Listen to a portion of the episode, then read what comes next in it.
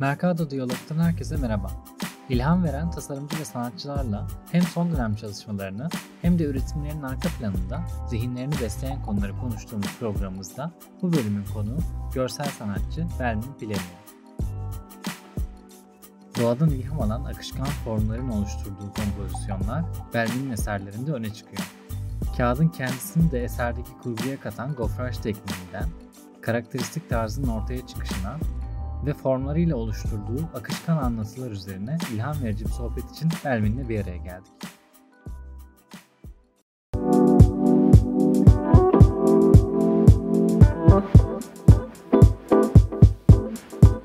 Merhaba Satoshi takipçileri. İlham veren tasarımcı ve sanatçılarla sohbet ettiğimiz Mercado Diyalog'un yeni bölümüne hoş geldiniz. Ben Yağız Genç.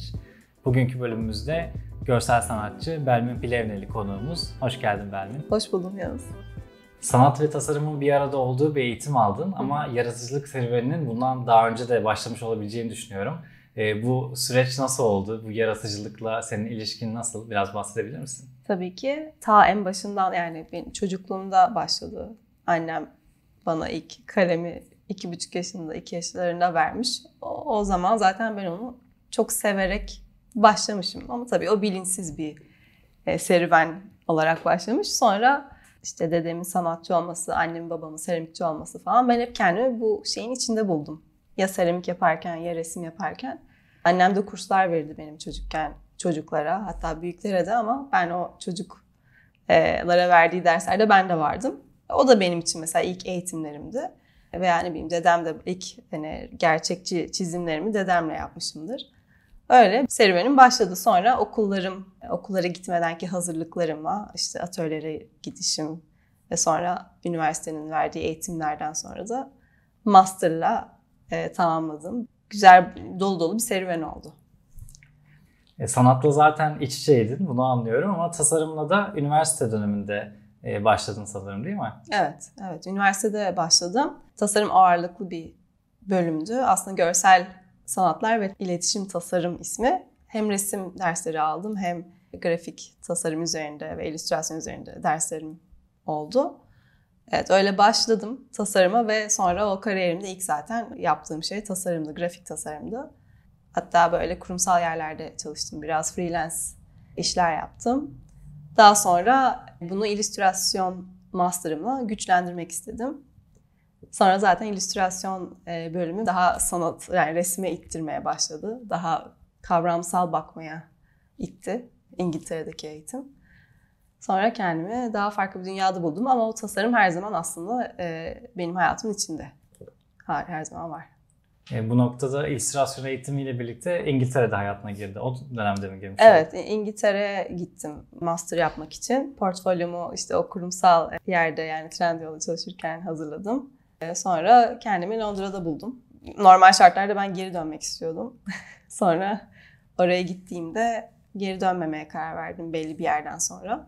Oranın bana verdiği böyle ya yaratıcılık ve sanatın yani insanlar tarafından gördüğü değer beni daha şevklendirdi ve ben daha bu yaptığım şeylerde daha güçlü hissettim ve sanatçı, görsel sanatçı yoluna girmiş oldum.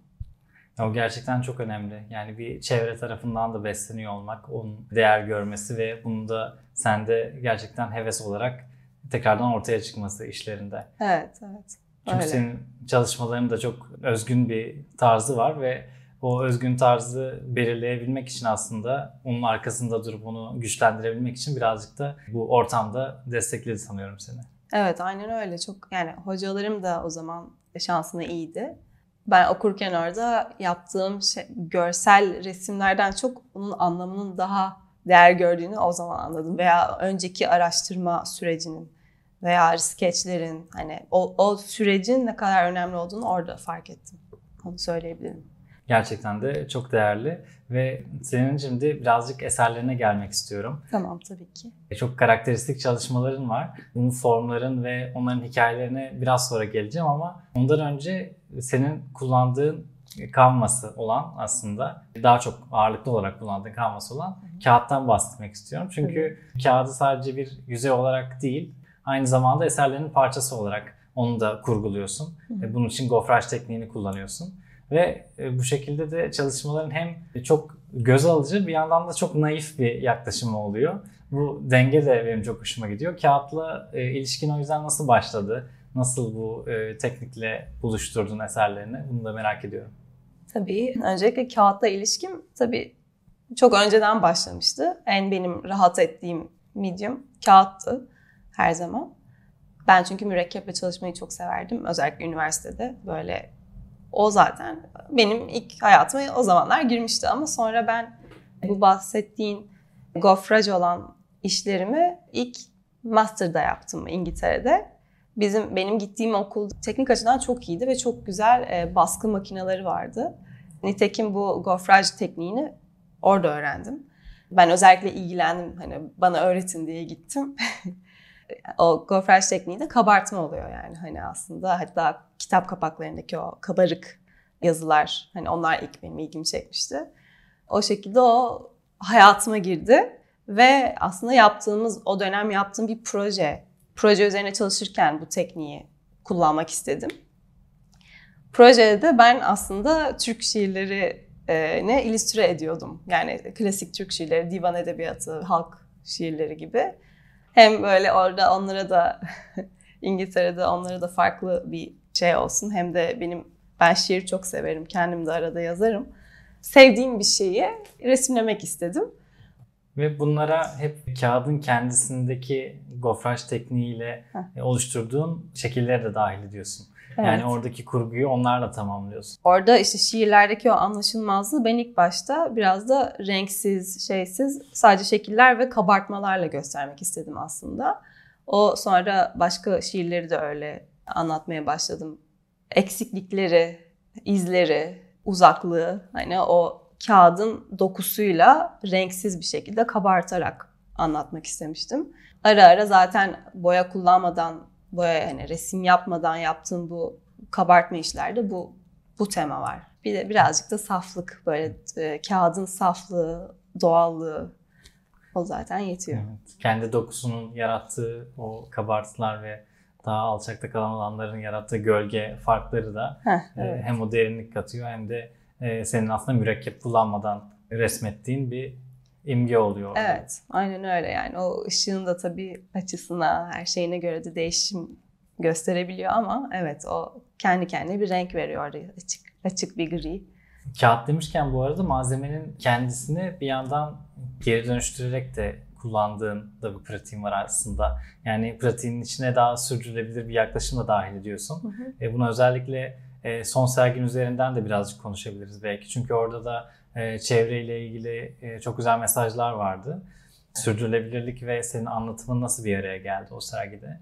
O sergim Galeri F'de ser, e, yaptım. Kibele'nin Gözünden isimli bir sergiydi. Küresel ısınmanın aslında etkileriyle ilgili bir konusu vardı. Ve benim çevreye karşı olan o hassasiyetim aslında. Orada da gene zaten tuval işim çok azdı. Hep kağıt işte. Ve o bahsettiğin geri dönüşümlü e, atıklarla yaptığım resimleri ilk orada kullandım. O orada bir tane vardı aslında. Ama sonra ben onu beğendim ve hani o hoşuma gitti o sürdürülebilir sanat tekniği ve onu ondan biraz daha yaptım. Bir seri yaptım. Kabartma gofraj işlerim kadar çok olmasa da öyle bir e, projem var. Hala da biraz daha büyüterek yapmak istiyorum onlardan. Orada amaç insanların doğayı çok önemsemeden böyle her şeyi tüketmesi, atması, etmesi. O kadar çok e, paket topladım ki evimde. Kendim yani aldığım şeyleri kendi topladıklarımı görüp ben bunları hani kağıt yapayım bu kadar çok şey. Kim bilir insan herkes ne kadar çok biriktiriyordur yani çöpünde. ben onları çöpe atmaktansa işte kağıda çevirdim. Sonra üstlerine resim yaptım. Öyle bir birkaç öyle bir serim, bir serim var. E, bunun sergi süreciyle paralel gelişmesi, oradaki fikirle e, birlikte çıkması ortaya aslında e, çok da değerli bir seni yola sokmuş. Yani evet, evet. Master eğitiminden sonra ortaya çıkan bu yeni denemelerini, onların daha karakteristik bir şeye dönüştüğünü konuştuk. Hı. Bu sergiden de bahsettiğimizde, diğer işlerini de düşündüğümüzde hepsinde öne çıkan formların var. Bunlar akışkan formlar, dairesel ve birazcık aslında ipuçlarını verdik ama E, onlar üzerine biraz daha konuşmak istiyorum. Çünkü kendi dünyalarının çok zengin olduğunu hissediyorum. Bu formlar nasıl ortaya çıktı ve senin e, anlatına nasıl destek veriyor bu akışkan formlar? İlk ortaya çıkışı benim master eğitimimde oldu.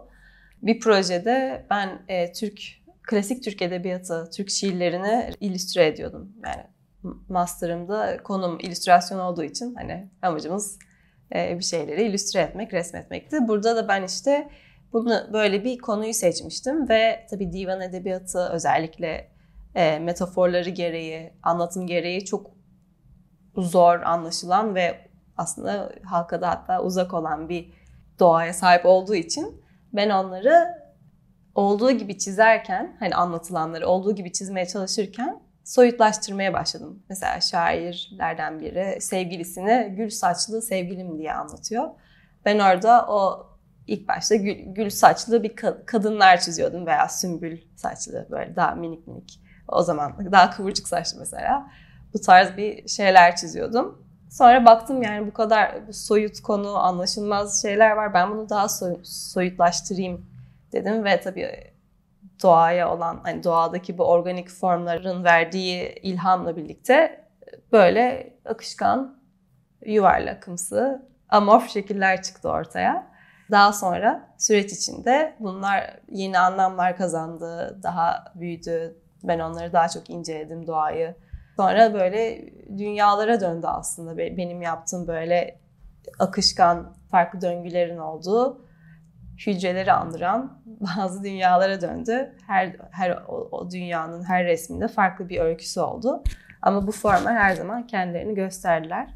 Farklı anlamlara sahip de olsa ama her zaman o doğanın ilhamı onun içinde ortada duruyor yani o akışkanlık, su, su, çiçek, bulut olsun hepsinin o bana verdiği ilham orada kendisini gösteriyor. Ve bu e, akışkan formlarla yarattığın aslında dünyalarda böyle bir e, ölçek üstü durum da bence ortaya çıkıyor. Çünkü bir hücrenin içindeki o döngüyü de anlatabiliyorsun. Öyle bir küçük mikroskopik ölçek de görebiliyoruz. Ama bir yandan da e, hakikaten dünyalar, evrenler gibi daha böyle birbirini tamamlayan e, çok daha büyük bir ölçeği de hissedebiliyoruz. Böyle bir ölçekler arası durum da yarattı gibi hissediyorum. Doğru mu? Doğru, doğru. Yani hem hem öyle hem e, arkasında başka hani biraz hücreleri benziyor akışkanlık evet ama orada mesela bazen çok daha e, derin şeylerden bahsediyorum. Mesela kişilik, kimlik, kültür farklılığı, e, işte küresel ısınma veya bazen daha kişisel olarak işte ne bileyim aşk, e, insan ilişkileri gibi böyle konuları anlatan bazı dünyalar, habitatlar çıkıyor ortaya.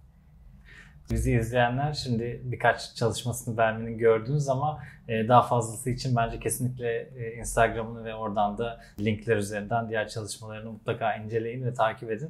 Beni her seferinde böyle hem tanıdık hem de çok yeni şeylerle karşılayan işler oluyor. Bu da çok hoşuma gidiyor açıkçası. Teşekkür ederim. E, o yüzden de merak ediyorum gelecek planlarında neler var? Gelecek planlarımda öncelikle yakın gelecekte bu yaz mesela fuarım olacak ve sonbaharda bir Douro, Portekiz'de Douro'da Douro Print Biennaline katılacağım.